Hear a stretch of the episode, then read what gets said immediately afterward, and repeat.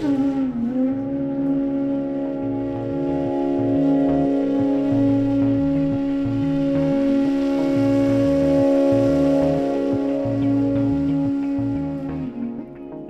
keçən dəfədən bəzi suallar qalmışdı. Keçən görüşdə hansına ki cavab ə, cavablandıra bilmədik, vaxtımız çatmadı. Mən istərdim onlarla başlayaq. Burada bir sual var ki, ətrafımızda baş verənlər, içində olduğumuz hadisələr, anlar, yaxşı pis fərq etməz, hamısı bizim iç dünyamızdan irə, irəli gəlir, baş verirmi? Yəni ətrafımda baş verən hadisələr mənim iç dünyamla, iç dünyamla bağlıdırmı? Hamısı yox. Məsələn, pandemiya var, o bizim iç dünyamızla bağlı deyil də. Elə deyil. Yəni ki, konkret olaraq sənin iç dünyanla bağlı deyil. Amma insanlığın iç dünyasına bağlı ola bilər. Biz necə yaşayırıq? Ə, necə yaşayırıqsa, bu virus da onun nəticəsidir. Elə deyil. Biz qeyri-təbii yaşayırıqsa, belə viruslar, bakteriyalar çox ola bilər. Ona görə bir-birinə əlaqəlidir, amma bəzi şeylər var ki, şəxsən səndən asılı deyil, insanlıqdan asılıdır. Sən pandemiya səndən asılı deyil. Amma deyək ki, ə, deyək ki, mənim asılılığım var nədənsə. Və mən gedirəm başqa bir adamla tanış oluram, hansının ki, eyni şəkildə asılılığı var. Və bu şəkildə sonra şikayət edirəm ki, bax bu adam həyatıma girdi, həyatımı məhv elədi filan. Bunun səbəbi əslində mən özüməm. Mən özüm asılı asılı insan olmuşam və ona görə mən özüm kimi bir asılı insanla tanış olmuşam və bir yerdə həyatımız bir-birinə sarmaşıb və, nə, və nəticələr əmələ gəlib. Elə deyim. Bu mənim özümdəki keyfiyyətlərlə əlaqəlidir. Yəni hansı keyfiyyətlər varsa bizdə biz o o keyfiyyətləri dünyada o keyfiyyətlərə doğru hərəkət etmək istəyirik. Əgər mən asılıyamsa, asılı insanları gəlib tapıram. Hər şey özünə bənzərini tapmağa çalışır, yaxınlaşmağa çalışır, cəzb eləyir. Bu şəkildə müəyyən şeylər, hadisələr bizim bizim fikirlərimizin asılıdır, keyfiyyətlərimizin asılı olur. Bəziləri isə yox. Amma ümumi, ümumi yaxşı sualdır bu əslində. Amma ümumiyyətlə götürəndə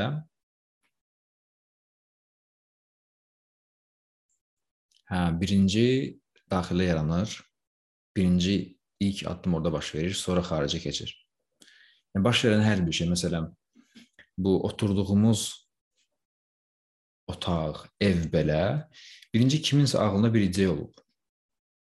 Sonra o yaşayışa, yaşayış binasına çevrilir. Nə deyil? Mənim bir tanışım var Berlində, bina tikir. Biznesmendir, bina tikir. Mənə şəkillərini göstərdi telefonda. Bina hələ tam deyil, hələ tikilir. Və ora boş idi o ərazi. Boş torpaq idi və bu bina ideyası sadəcə onun ağlına bir fikir idi, bir istək idi. Sonra onun o, o ideya artıq düşündükcə o ideyanı, tez-tez düşündükcə biraz daha o qatılaşmağa başladı o fikir. Və ondan sonra o istəyə keçdi və sonra planlaşdırmağa keçdi və sonra getdi torpağı aldı və indi orada bir bina tikdirir. Hə? Məsələn, içəridə başlayan bir şey sonra dünyada özünün ə, bərk bir şey kimi göstərməyə başlayır. Belə hər bir şey belə yaranır əslində. Dünya qurduğumuz dünya belədir. Qurduğumuz dünya bizim keyfiyyətlərimizi əks etdirir. Biz necə isə qurduğumuz dünya da elə olur. Bizim həyatımız da bizim keyfiyyətlərimizi əks etdirir. Həyatımızda olan hər bir şey əslində bizim münasibətlərimiz, bizim işimiz, nə bilim, məşğuliyyətlərimiz filan, bunlar hamısı bizim özümüz necə isə, hansı keyfiyyətlərə malik isə, onlar da həmin keyfiyyətləri əks etdirir. Və bu çox maraqlı bir prosesdir buna buna baxmaq. Hər birimiz məsələn öz həyatımıza baxa bilərik. A, mənim həyatım belədir, belədir, belədir. Bu məndəki hansı keyfiyyətləri əks etdirir? Hı? Yəni insanlar uğurlu insan ə, insanları sevirlər də. Nəyə görə sevirlər? Məsələ təkcə nə pul qazanmaq deyil, məsələ təkcə maddiyyat deyil, maşın, nə bilim, məşhur olun filan. Belə şeylər deyil məsələ əslində. Məsələ orada həmin o insanın sahib olduğu keyfiyyətlərdir. Çünki uğurlu olmaq üçün, yəni hər hansı bir mənada müəyyən bir disiplin sahibi olmalısan, müəyyən bir bilik sahibi olmalısan, davamlı olaraq nəsə eləməlisən və s. müxtəlif keyfiyyətlər var ki, hansını ki, insan özündə birləşdirməlidir. Və o onu birləşdirən insan görəndə biz onlara ə, qibtə edirik. Onlar bizim xoşumuza gəlir. Onlar kimi olmaq istəyirik. Məsələ şəxsi deyil, məsələ keyfiyyətdədir. Eyni şəkildə biz öz həyatımıza baxıb fikirləşə bilərik ki, məndə hansı keyfiyyətlər var və həyatımda bu necə əks olunur. Çox maraqlıdır. Belə dostlar, yığışdıq.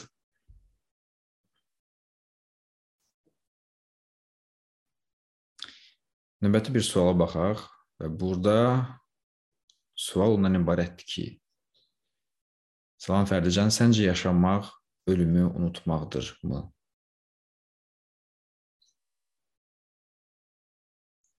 Yaşamaq ölümü unutmaqdırmı? Siz nə fikirləşirsiniz? Yaşamaq ölümü unutmaqdır. Ölüm nədir ümumiyyətlə?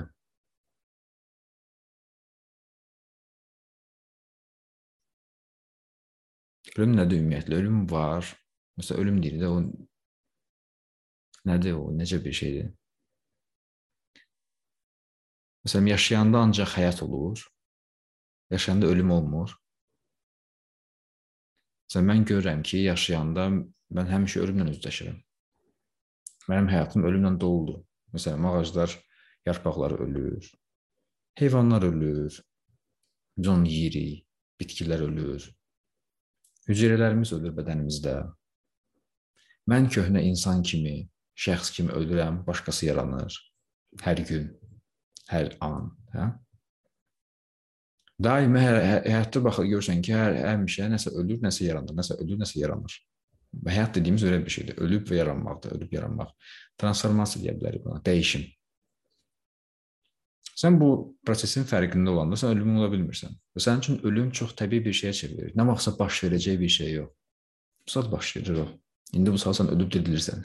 Xəbərin yoxdur amma. Yəni biz səhvən ölümü düşünürük ki, bir 60 il, 70 il, 80 il yaşayacağam, ondan sonra öləcəm. Nə vaxtsa bir hadisə baş verəcək, ölüm. Aa. Yox, elə olmur. O vaxta qədər sən ölüb dirilirsən, ondan sonra da ölüb dirilməyə davam edirsən. Həyat və ölüm iç-içə olan bir şeydir.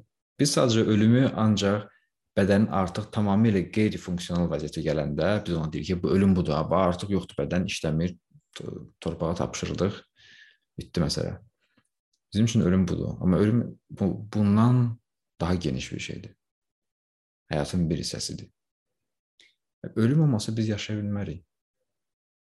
Ölüm olmasa biz inkişaf edə bilmərik. Sən böyüməyin üçün başqa gözəl bir insana çevrilməyin üçün sən köhnə bir insan kimi ölməlisən.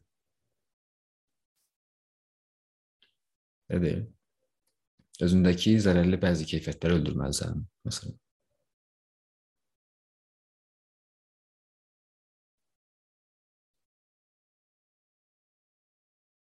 Ona görə yaşamaq ölümü unutmaq deyil. Yaşamaq ölümlə iç-içə olmaqdır, ölümlə həyatla. İkisi bir-birini tamamlayır.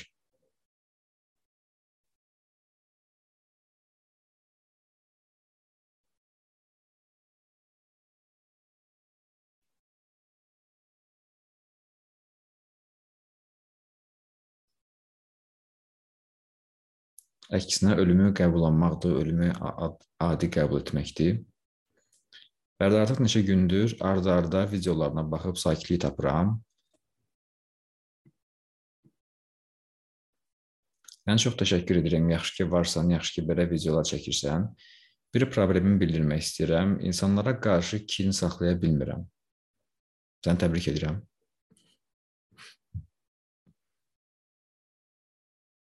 Öz yaxınlarımı belə məni incisə də bir dəfə də olsun inciməyi düşünmürəm. Evdiklərini unuduram, içimdə saxlamıram, nə ki, nə vaxtsa mən də onlara pislik edim. Bu məni çox incidir. Bu. Və içimə qapalı oluram, mənə nə məsləhət görürsən? Sən xoşbəxt bir insansan, özünü mütləq bədbəxt eləmək istəyirsən ki, mən kinli, nifrətli bir adam olmaq istəyirəm. Hamının ağzının payını verim, inciyim, yadımda saxlayım, deyim ki, bax, gördün sən 9 il əvvəl mənə bunu demişdin, mən də sənə bax, Belə bir adam olmaq istəyirsən?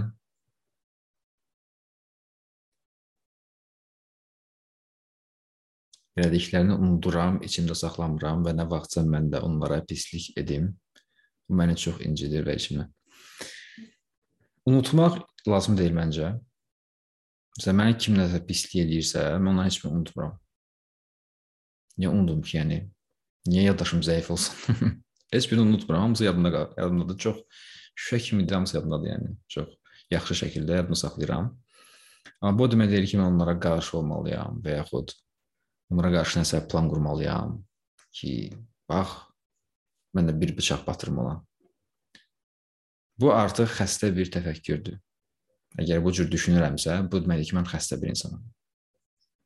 Kimsə məsələn mənə qarşı səhv elədi, bu onun keyfiyyətini əks etdirir. Elə deyil? Onun müəyyən bir keyfiyyətləri var, neqativ keyfiyyətləri və nəinki mənə hər kəsə qarşı bu cür davranır. Bu onun qoxusudur və pis qoxusu var bu adamın. Bu demək deyil ki, mən də onun kimi olmalıyam. Mənə qarşı belə bir şey elədi və mən artıq yadımda saxladım ki, a, bu belə bir adamdır. Bunda belə patternlar var. Belə xasiyyət, belə keyfiyyət, bu cür danışıq, bu cür hərəkətlər var. Və növbəti dəfə mən onunla bir yerdə yəni, iş görəndə və yaxud dostluq eləyəndə, söhbət eləyəndə mən artıq bunu nəzərə alacağam. Amma bu deməkdir ki, mən də ona qarşı bir pislik etməliyəm, inciməliyəm və yaxud nəsə eləməliyəm. Çünki məndə o keyfiyyət yoxdur. Onda olan keyfiyyət. Və özümdə buna görə də bilə-bilə pislik keyfiyyətini və yaxud o neqativ keyfiyyəti, qaranlıq keyfiyyəti. Müxtəlif keyfiyyətlər var. Hə? Xeyirxahlıq keyfiyyəti var, satva deyirlər buna. Hansı ki, bu sənə deyirik gözəl insan, nə bilim, yaxşı enerjisi var. Bu o bu o deməkdir ki, bu adamda satva keyfiyyəti çoxdur, xeyirxahlıq keyfiyyəti çoxdur. Sevgi çoxdur, mehribanlıq çoxdur.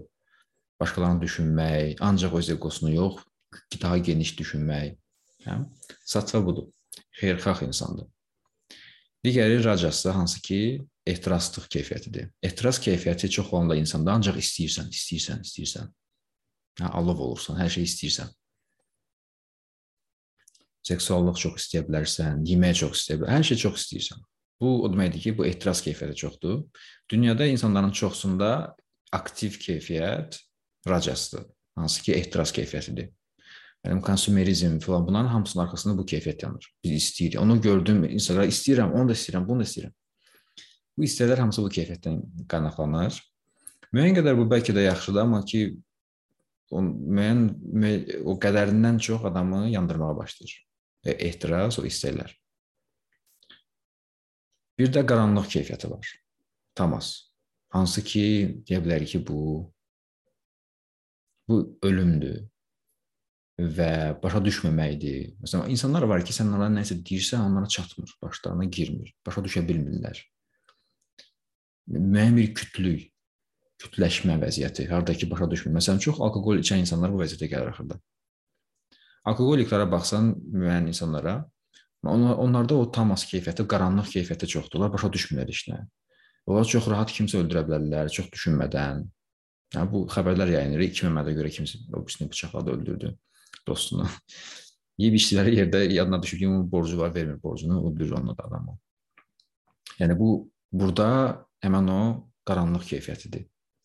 Kriminal ə, cinayətkarların çoxsunda bu qaranlıq keyfiyyəti aktiv olur, tamas keyfiyyəti.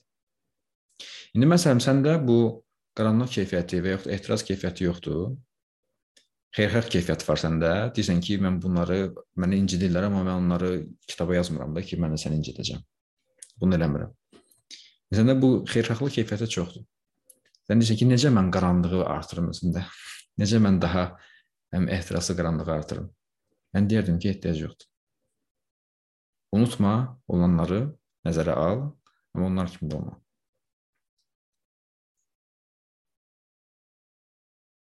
Kin saxlamağı düşünmürəm, sadəcə özümü necə qoruyum onlardan ki, çox inciməyim, bunu onu bilmirəm. Onu bilmirəm. Uzaqlaş. Uzaqlaş yaxşı olmayan insanlardan uzaqlaşmaq lazımdır. Onların yanında olmursan sadəcə olaraq. Vəssalam. Əgər eyni evə həbs olunmusan onlarla, artıq eləyəcək bir şey yoxdur. Münasibəti biraz dəyişməlisən. Öz keyfiyyəti itirmədən. Amma mütləq yəni çalışıb uzaqlaşmaq lazımdır.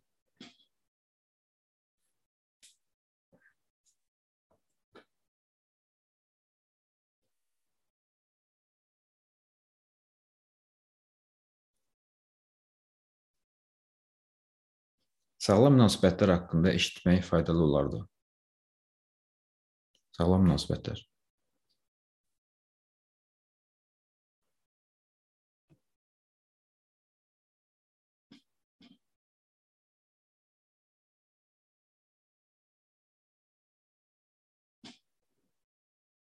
Mən bu dünyaya qarşı sağlam münasibət, həqiqi sağlam münasibət budistlərdə görmüşəm. Hansı ki e, cəmiyyətə cəmiyyət friendly olur da, cəmiyyət friendly bir münasibətləri var onların. Yəni ki, cəmiyyət ə, hamı hamının xoşuna gəlir o adamlar. Onların elə bir münasibət var dünyaya. Onların münasibət münasibət bilirsən necə dünyaya? Onlar elə bil ki, ə, qarşı tərəf dünya və yaxud insanlar elə bil ki, ovucularında tutduqları bir şeydir. Balaca bir quş və yaxud balaca pişik balası ovucunda tutub. Ona necə qayğıla, belə ehtiyatla münasibət göstərirsə o adam, yəni bu, yəni münasibət elə ki, bu şəkilli. Sən bu şəkildə münasibət göstərsən başqasına. Bu deməkdir ki, yəni sevgilə, qayğıyla, incəliklə, zərifliklə münasibət göstərsən. Bu olanda insanda bu demək deyil ki, belə olmalıdır mütləq. Mən belə bir şey demirəm ki, mütləq belə olmalıdır. Bu çox funksional bir münasibətdir. Bu cür olmaq. Bəziləri var bəlkə soyuq münasibət göstərir. Məsələn, yogilər olub, ustadlar olub, çox soyuq münasibət göstərir başqalarına. Çox kobud münasibət göstərir başqalarına, ətrafdakılarına. Bu demək deyil ki, o adam aydınlanmış deyil və yaxud yaxşı deyil, pisdir. Elə bir şey yoxdur. O onun temperamentidir, o ona maraqlı olmayıb münasibət qurmaq. O özündə, öz kefindədir, öz aləmində yaşayır. Münasibət qurmaq onun vecinə deyil. Bu adama qarşı biz işləyə bilmərik və deməmək də lazımdır, çünki onda biz oluruq dindar, radikal bir adam ki, yox sən səhvsən, mənim kimi olmalısan. Amma cəmiyyətdə yaşayırıqsa, dünyada yaşayırıqsa, o adam gedib dağda yaşayır. Dağda yaşasa daha yaxşıdır. Amma ki biz cəmiyyətdə dünyada yaşayırıqsa, bir bir-birimizə qarşı biraz ehtiyatlı olmalıyıq. Qayğı göstərməliyik, sevgi göstərməliyik, mehriban olmalıyıq. Çünki bu bir-birimizin ürəyini isidir. Bir-birimizi xoşbəxt eləyirik bu şəkildə münasibət göstərməklə. Elə deyil. Bunun əksi olanda o adamla bir yerdə olmaq istəmirsən yanında oturmaq istəmirsən. Amma bu keyfiyyətlər olanda bu xeyirxahlıq keyfiyyəti, sevgi, qayğı, incəlik, zəriflik bunlar olanda sən həmişə o adamın yanında olmaq istəyirsən də. Sənə ləzzət edir bu. Sənə xoşuna gəlir bu. Və həqiqi, funksional, gözəl münasibətlər üçün bu münasibət olmalıdır. Bu fundamentdir. Bu fundament ol olsa, qalanı artıq özü təbii şəkildə gəlir. Sən təbii şəkildə qulaq asırsan ona, incitmirsən, hə? qayğısına qalırsan. Vəssalam da. Çətin deyil əslində. Əslində çətin deyil. Çətinlik ondadır ki, bizdən müəyyən keyfiyyətlər üzə çıxa bilər. Onların fərqinə varmaq lazımdır. Onları sindirmək lazımdır bir növ. Qulaq asaraq onların onlardan azad olmaq lazımdır. Yenidən yenidən o, o münasibətə davam etmək lazımdır zərif şəkildə.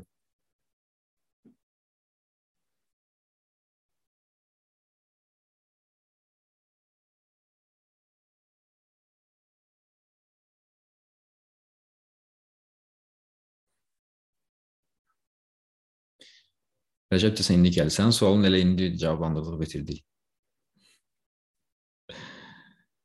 Başqalarına qarşı olan münasibətə baxıb, eyni zamanda əşyalara, hər şeyə, özümüzə qarşı olan münasibətimiz haqqında çox şey öyrənə bilirik. Çünki həmişə fərqində olmuruq içimizdə içimizdə özümüzə qarşı necə davrandığımızın.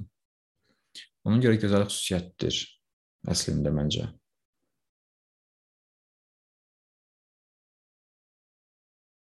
Bəli.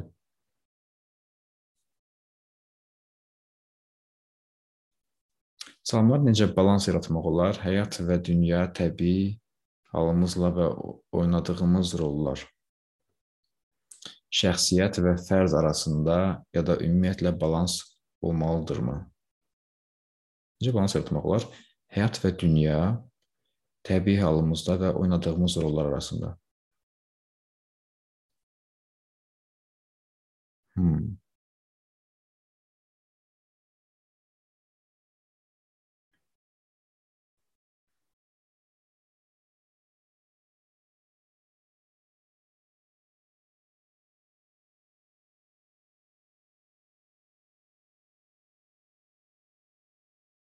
O balansı adam ancaq yolda gedərək öyrənir. Onun əvvəlki bir elə bir şey yoxdur ki, ə, kimsə sənə desin, ya balans bu qədər olmalıdır. Sağ ayağın bu qədər qalxmalıdır, sola.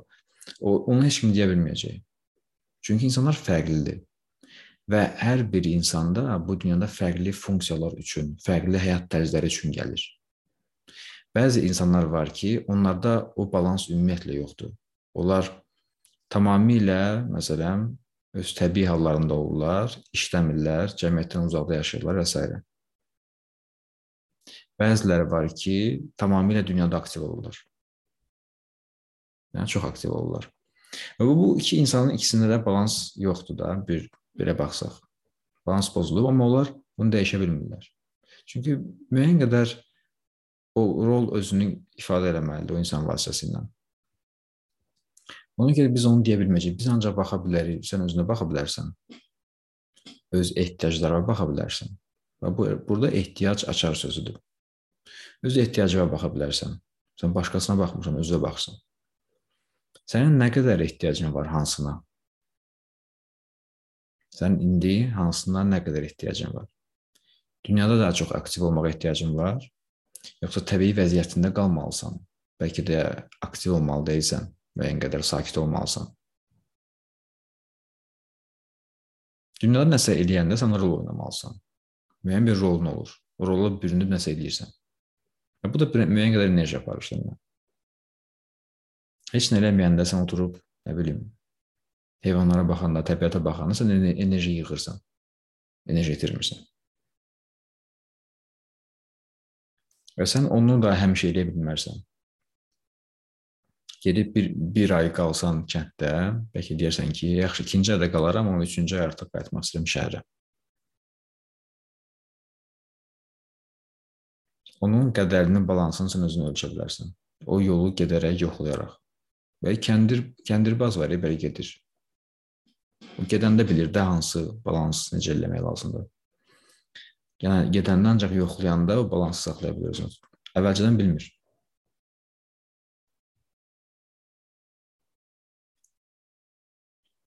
Fərdi, insan niyə bu qədər sual verir?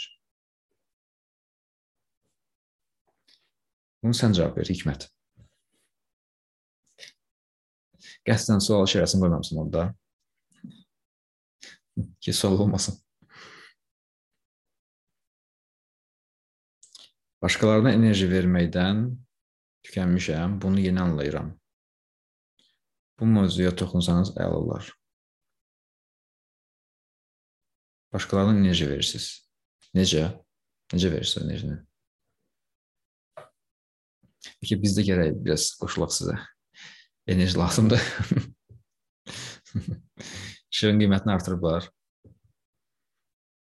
Enerjiyə ehtiyac var.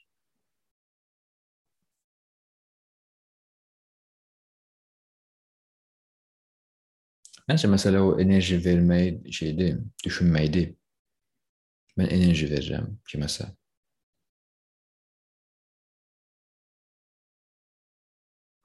Bu, bunun altında fərqli şeylər yata bilər. Bu, yəni mən bilmirəm dəqiq məsələ necədir. Həqiqətən siz enerji verirsiniz, yoxsa siz sizə enerji verirlər? Siz düşünürsünüz ki, siz verirsiniz enerjini. Bəlkə də alırsınız.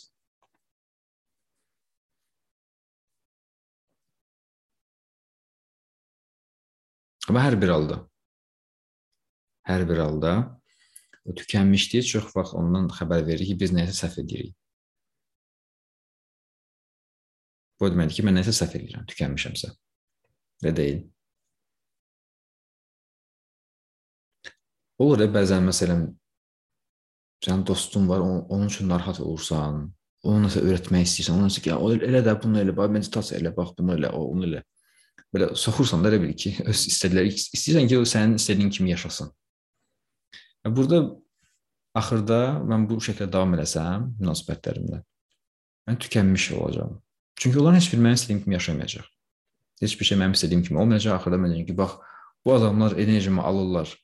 Sonra görürsən yenə də hardadılar, orada, orada da qalıblar.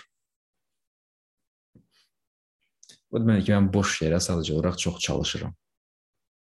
Çapalayıram yerimdə, hansı ki effektiv deyil. Sadəcə bunu dayandırmaq lazımdır. Çapalamağı dayandırmaq lazımdır.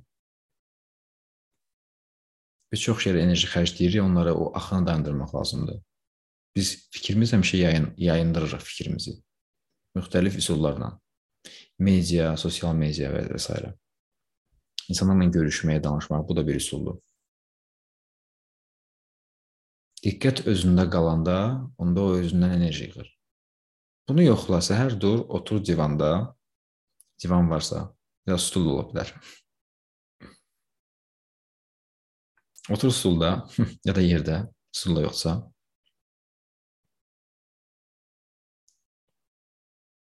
Sadəcə olaraq nəfəs al ver. Heç bir şeyi düşünmə. Yəni düşünməyə çalışma gəlsən ki, nəsə mən fikirləşməliyəm.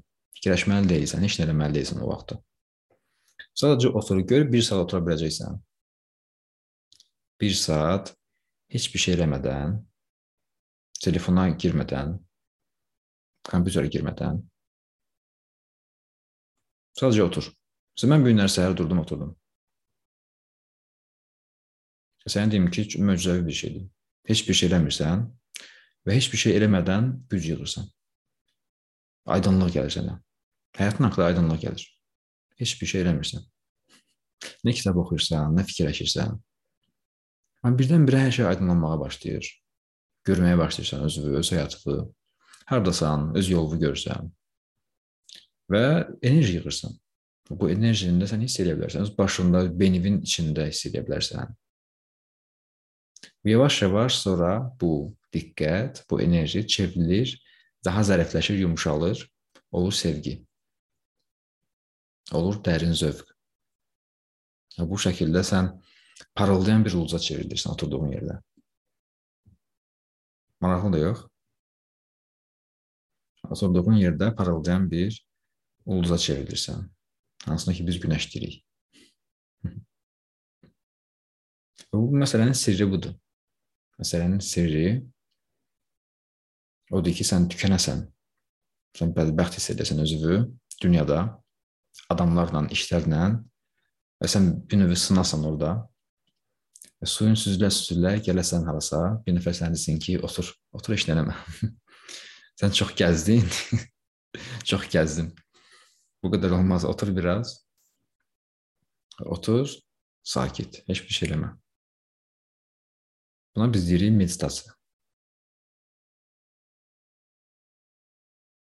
Sən oturduqca, sadəcə var olduqca, diqqətlə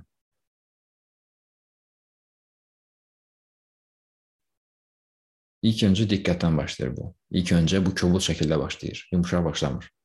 Birinci diqqətlə başlayır və sonra davam elədikcə o diqqətlə və qətiyyətli şəkildə qətiyyətli şəkildə imtina elədikcə fikirlərdən, diqqətin yayınmasından, nə bilim, gedim telefonu götürüb nəsə, yadıma düşürsən ki, e-mail yazmalıyam falan kəsə, falan kəsə mesaj yazmalıyam, kiməsə zəng eləməliyəm. Bunlar hamısı sən meditasiya oturanda baş verəcək. 5 il yada düşməyən bir adam yada düşəcək ki, bu adama mən nəsə deməliyəm indi, mütləq. 5 il yadıma düşmür, amma mütləq indi meditasiyaya başlayıram deyən onu deməliyəm. Və qətiyyətli şəkildə sən onlardan imtina elədikcə, qətiyyətli şəkildə sən oturmağa davam elədikcə, o, o diqqət, o qətiyyətlilik birinci o kobud şəkildə başlayır, kəskin şəkildə başlayır, güclə başlayır. Və sonra görəcəksən ki, o güc necə yumşalır. Və yavaş-yavaş əlbəttə ki, ürəyin yumşalır. Əlbəttə ki, sərt adam kimi oturursan, yavaş-yavaş ürəyin yumşalır yavaş-yavaş çox xoş hisslər, sevgi, mehribanlıq, şəfqət hissi, sonra olur yavaş-yavaş dərin zövqə çevrilir. O dərin zövqə çevrildiyi andan etibarən artıq artıq buraxırsan onun başını, özü gedir. özü hərəkət edir. Burada danışdığımız problemlərin demək olar ki, hamısını bu üsulla həll etmək olar. Hamısını. Burada fərq ancaq ondan ibarətdir ki, yəni ancaq hansıları eləmək olmaz bəlkə də. Mən dünənlər bir dostumla görüşmüşdüm, hansı ki terapevtdir və terapiya haqqında danışırdıq. Və başqa bir dostum da var, hansı ki terapiyaya gedir, istifadə edir bu metoddan. Məsələn, o mənə dedi ki, sən deyirdin meditasiyada sevgini hiss etməyi falan. Deyir, mən onu başa düşmürdüm. Onu hiss edə bilmirdim. Mən terapiyaya get getməyə başladım deyir. Sonra deyir mən bir dəfə oturdum, oturduğum yerdə birdən sevgi hissi gəldi. Və istədim ki, mən də xoşbəxt olum, ətrafda hər kəs hər şeydə xoşbəxt olsun. Yəni, təbii şəkildə belə bir hissə yarandı. Buna görə baş verir ki, adam adamın ürəyi dolu idi. Ürəyində bir probka var idi, tıxac var idi. Emosiyalar çox idi, həyatında nələrsə baş vermişdi, incitmişdilər onu və s. O gedəndə terapiyaya və bu haqqda danışanda, özünü ifadə edəndə, hisslərini ifadə edəndə, bölüşəndə, paylaşanda, o tıxacı çıxartdı oradan və oradan artıq o emosiyalar, o hisslər yavaş-yavaş azad olmağa başladı. Danışdıqca azad olmağa başladı. Və onun ürəyi dolu idi. Ürəyini boşalandan sonra o boş ürəyə yenidən artıq yer olur ki, sevgi hissi gəlsin, dolsun. Hə? Terapiyanın önəmi budur. Əgər kimdəsə belə bir doluluq varsa, mütləq terapiyaya getmək, kimləsə danışmaq ona çox böyük şəkildə kömək edə bilər. Ondan sonra sən otura bilərsən sakit. Və yaxud danışmasan belə, bəzi şeylər var ki, heç danışa bilmirsən, məsələn. Onları necə edəsən? Danışılası deyil də, yəni bir bədbəxtlik hissi var ürəyində, içində. Onu nə deyəsən ki, mən bədbəxtəm. Salam elə ki, mən bədbəxtəm. Özümü pis sayıram. necə danışacaqsan bunu? İndi oradan da söhbət çıxardacaq terapevt. Danışdıracaq səni, amma ki bəzən bəzi şeylər danışmaq olmur. Və məsələn, bunun kimi hissləri, bu cür bədbəxtlik hissi varsa və yaxud ürəyində bir ağrı varsa, bunların hamısını sakit oturmaqla həll etmək olar. Çox maraqlı bir şeydir. Yəni sakit oturmaqla sənin problemin həll olunur. Yəni məsələ odur ki, oturamısan görəcəksən ki, sənin diqqətin şəfa vericidir.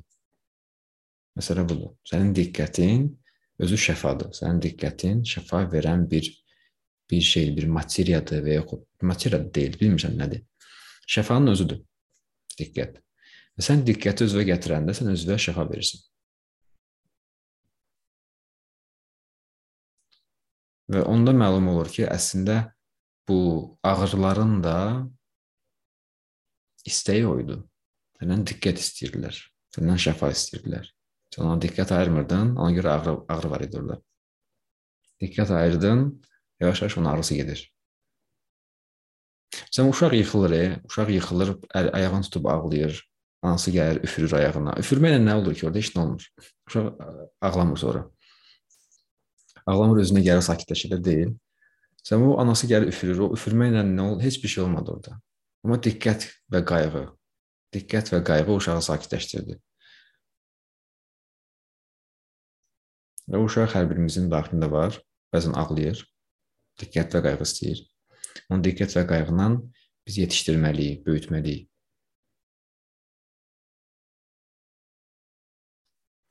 İnsanları ətrafdakı hər şeyi olduğu kimi qəbul edə bilmirsiniz bəlkə. İnsanları ətrafdakı hər şey olduğu kimi qəbul edə bilmirsiniz bəlkə. Deyəsən bu da özünü olduğu kimi qəbul etməməkdən irəli gəlir. Yəni, bu bayaqki sualla əlaqəlidir. Qəbul edə bilməndə bu bizdən çox enerji aparır. Adam əsəbləşir, qəzəblənir. Neqativ emosiyalar çox çox elektrik işıq pulu yazır. Axırda böyük bir hesab gəlir ki, bunların hamısını sən işlətmisən. Qardaş, bunun hesabını ver.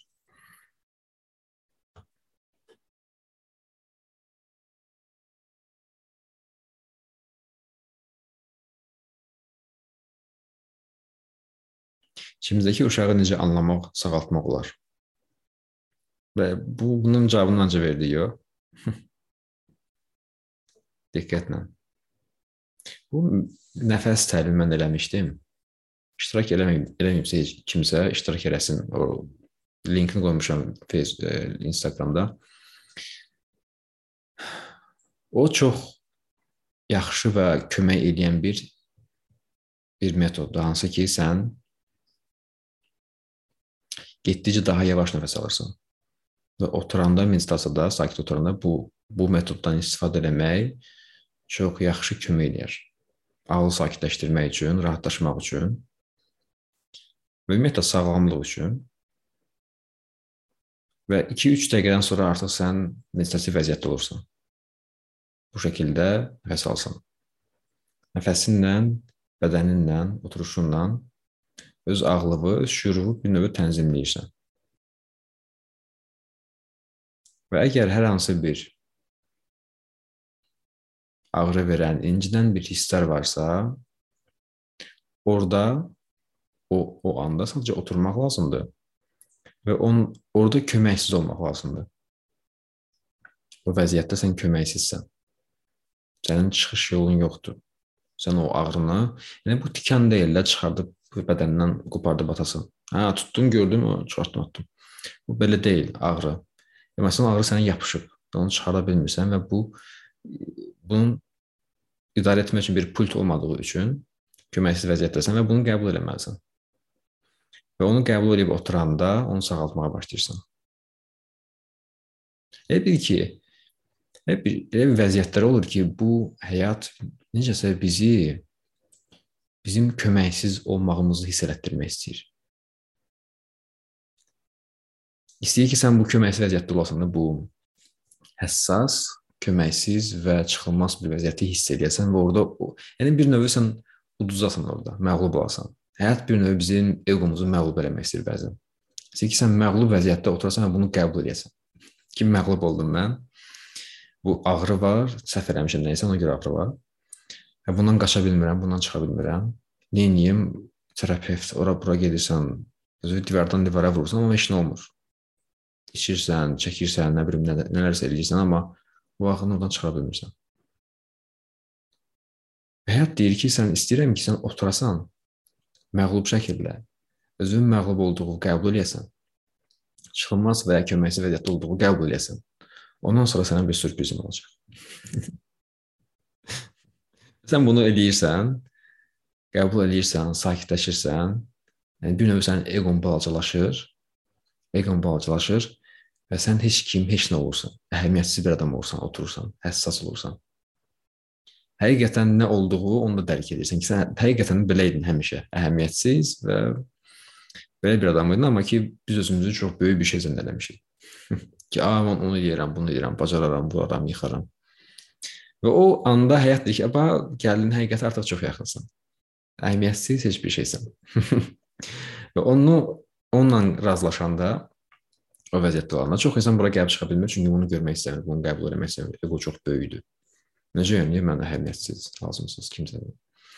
Bunu qəbul eləmir. Ona görə bura sən çatanda, bunu qəbul edəndə ondan sonra o ağrı yox olur.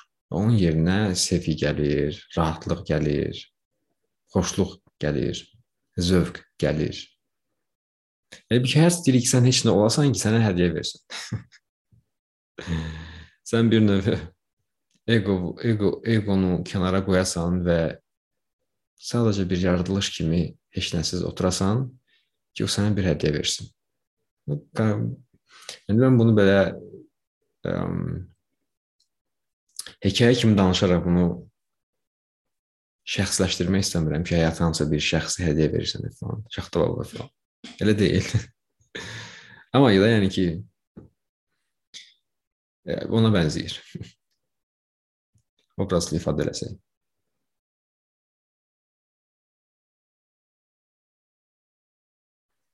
İşdən dolayı gündə 500 insanla danışanda avtomatik olaraq olduğu kimi onları qəbul etmək alınmır. Çətin olur. İnsanlara sevməyən birinə çevrilir insan zamanla.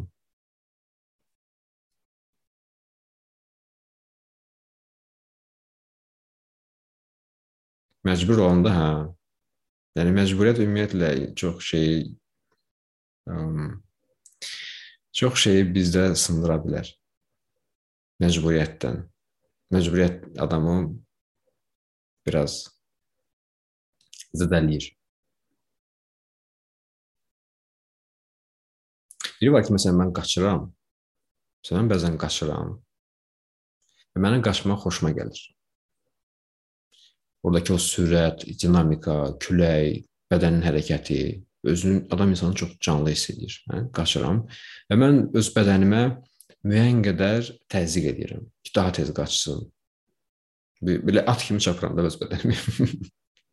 Bəzən bu şəkildə onu ona müəyyən bir təzyiq edirəm ki, onu yoxlayıram ki, görüm nə qədər Nə hara qədər? Hansı sərhədləri hardadır bədənin? Bunu mən özüm icazəli şəkildə ona təzyiq edirəm. Deyir, bu öz bədənimə icazəli şəkildə bunu edirəm. Amma bu məcbur olsam buna, bilirəm bunu özüm icazə verirəm. Var ki, kimsə məni məcbur edir ki, sən qaçmalısan. Bu artıq o əvvəlki o xoşbəxt, ə, həyəcanlı bir aktivlik artıq çevrilir o bir bədbəxtliyə özümü artıq çox pis hiss edəcəm ki, məcburam, tənginəfəs oluram. Mənə məcburan qaçızdırırlar. Görürsən, məsələn, məcburiyyət və ikisi də eynidir bəlkə də performansda, amma məcbur məcburiyyət olduğu üçün bu artıq səni pis hiss elətdirir. Məcburiyyətin də çətindir.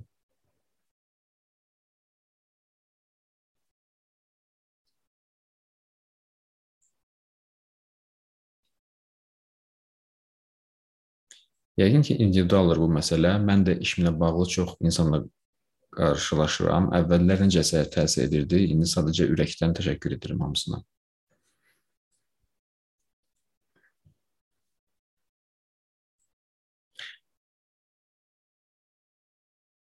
Beş yüz insan hər bir halda çoxdur.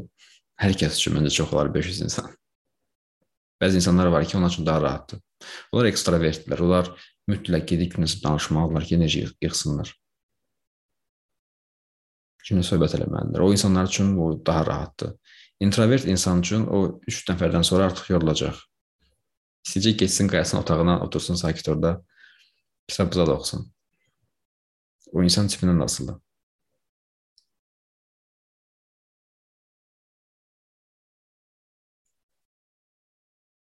Təklif edirəm gəlin keçək meditasiyaya.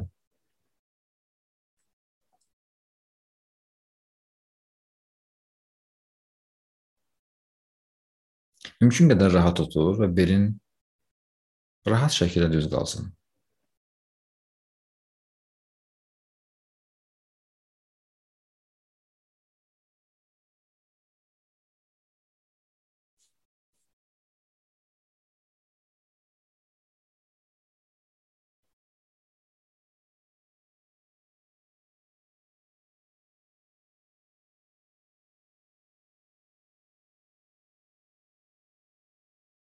Nəfəs aldıqca 3-ə qədər say. 1 2 3 Nəfəs verəndə 3-ə qədər say. 1 2 3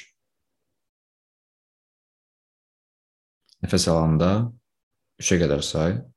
1 2 3 və nəfəs verəndə 3-ə qədər say. 1 2, 3. Bu şəkildə davam elə. Nəfəs 3-ə qədər alırsan və 3-ə qədər nəfəs.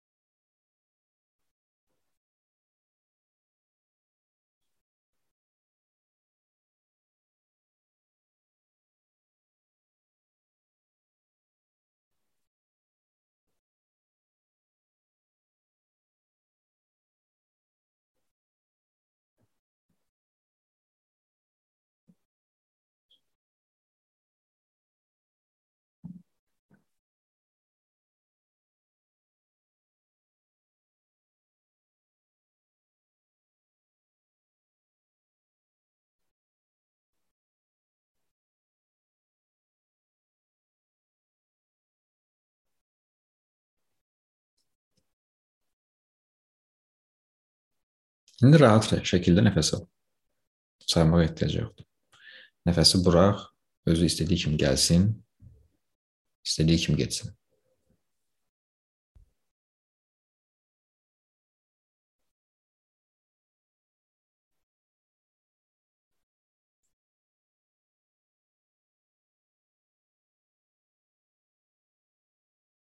Nəfəs özü istədiyi kimi gəlir və təbii şəkildə də gedir.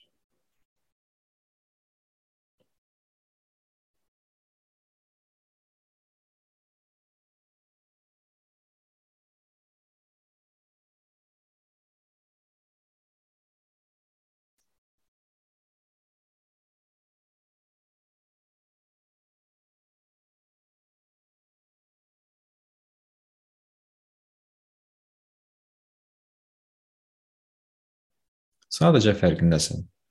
Nəfəsin, öz hisslərinin,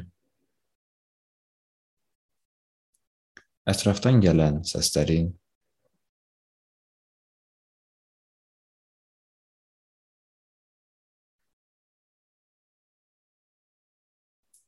heç bir şey yaratmırsan. Əlavə olaraq heç bir şey yaratmırsan. Nə ağlında, nə ürəyində. Sadəcə nə varsa, nə varsa, onun fərqindəsən.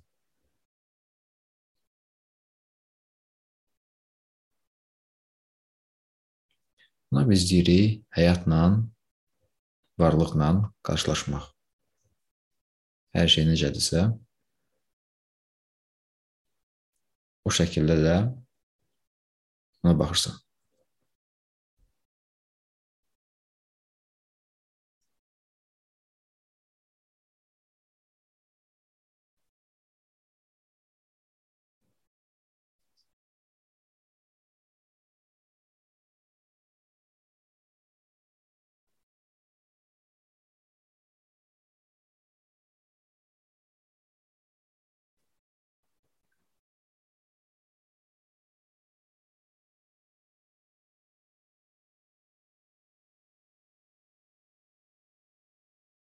Nəfəs gəlir və gedir.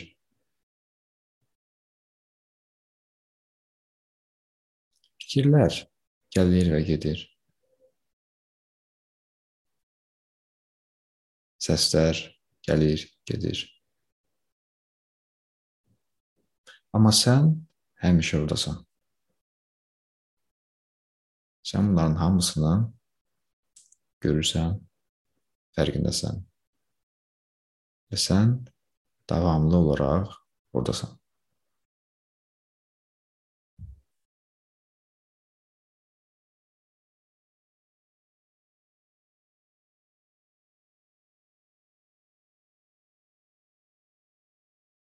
Bu həqiqi sənsən. Sənin həqiqi varlığındır.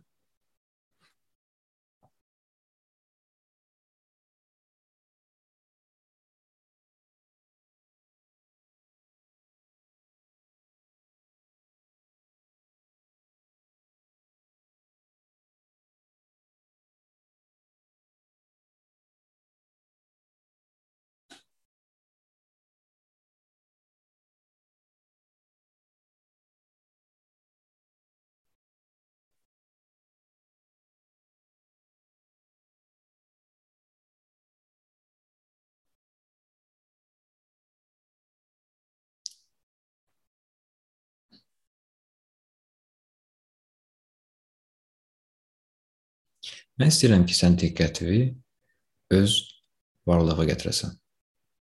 Orada saxlayasan. Bu şəkildə sən sanki özünə baxırsan.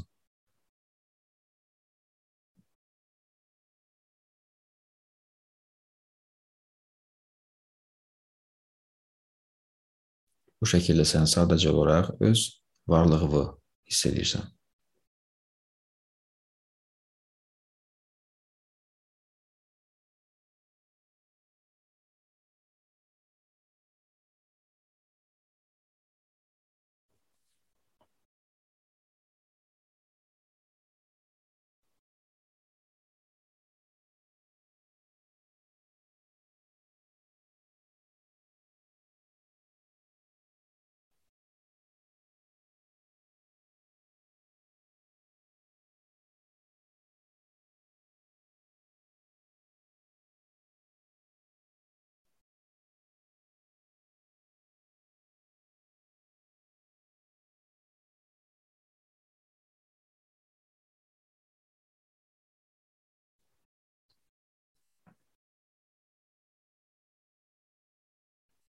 Sadəcə varsan və bunun fərqindəsən.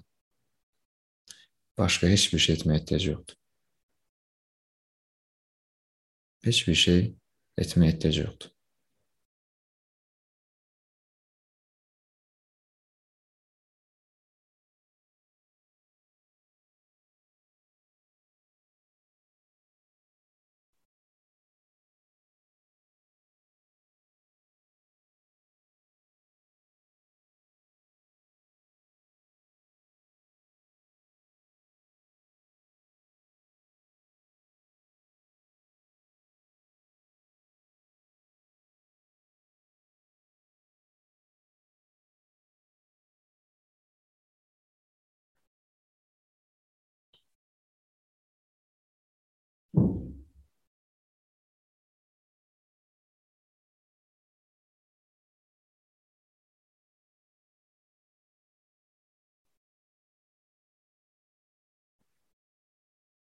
Uzaqdan müxtəlif səslər gəlib sənin qulağına çatır.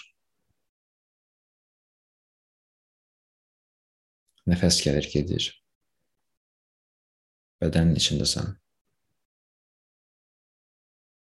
Müxtəlif fikirlər gəlib gedə bilər.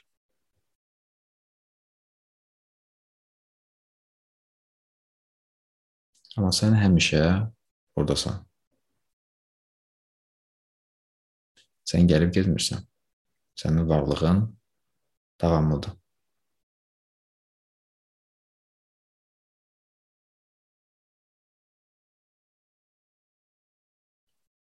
Bu davamlı varlığı sadəcə olaraq izlə.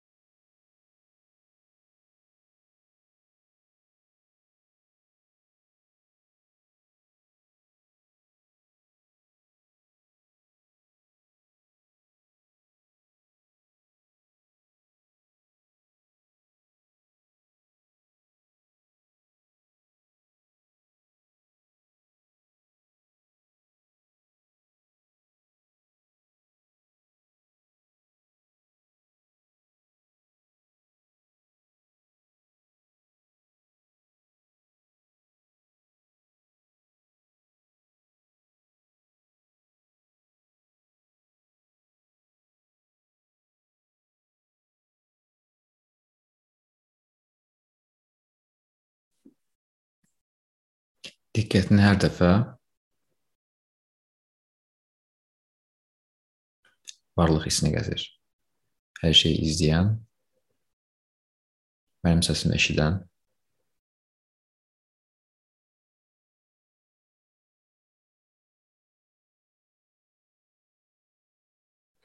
nəfəsin fərqində olan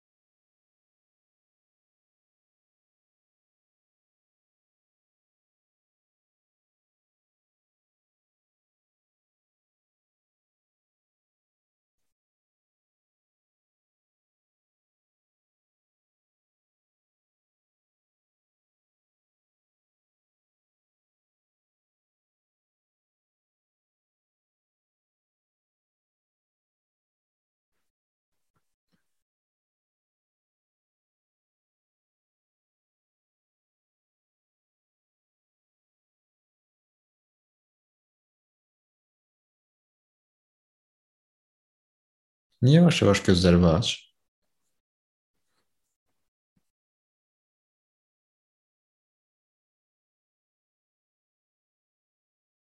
Eyni şəkildə müxtəlif səslər qulağa gəlib çatır.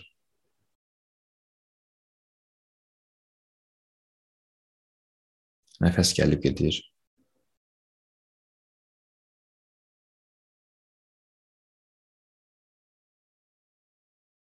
Gözünün qabağında müəyyən bir səhnə var, bir şəkil var, onu görürsən.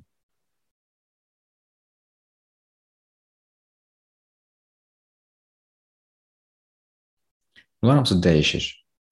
Səslər, şəkil, nəfəs. Və onu izləyən həmişə orada. Bunu izləyən və görən özünün fərqinə varanda və artıq diqqətini özünə gətirəndə, özünü izləməyi, hiss etməyə başlayanda həqiqətən həqiqi gücü nədir, onda başlayır onu hiss eləməyə, öz gücünü.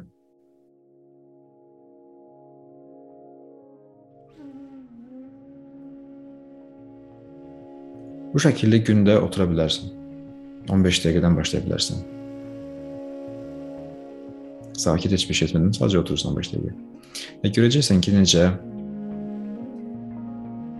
bu sənin həyatına aydınlıq gətirəcək. Sakitlik, xoşbəxtlik. Və getdikcə bu 15 dəqiqəni artıra bilərsən. Xoşuna gəlsin. Bugünlük bu qədər bəsdir. Çox sağ olun hər biriniz gəldiyiniz üçün. Görüşərik.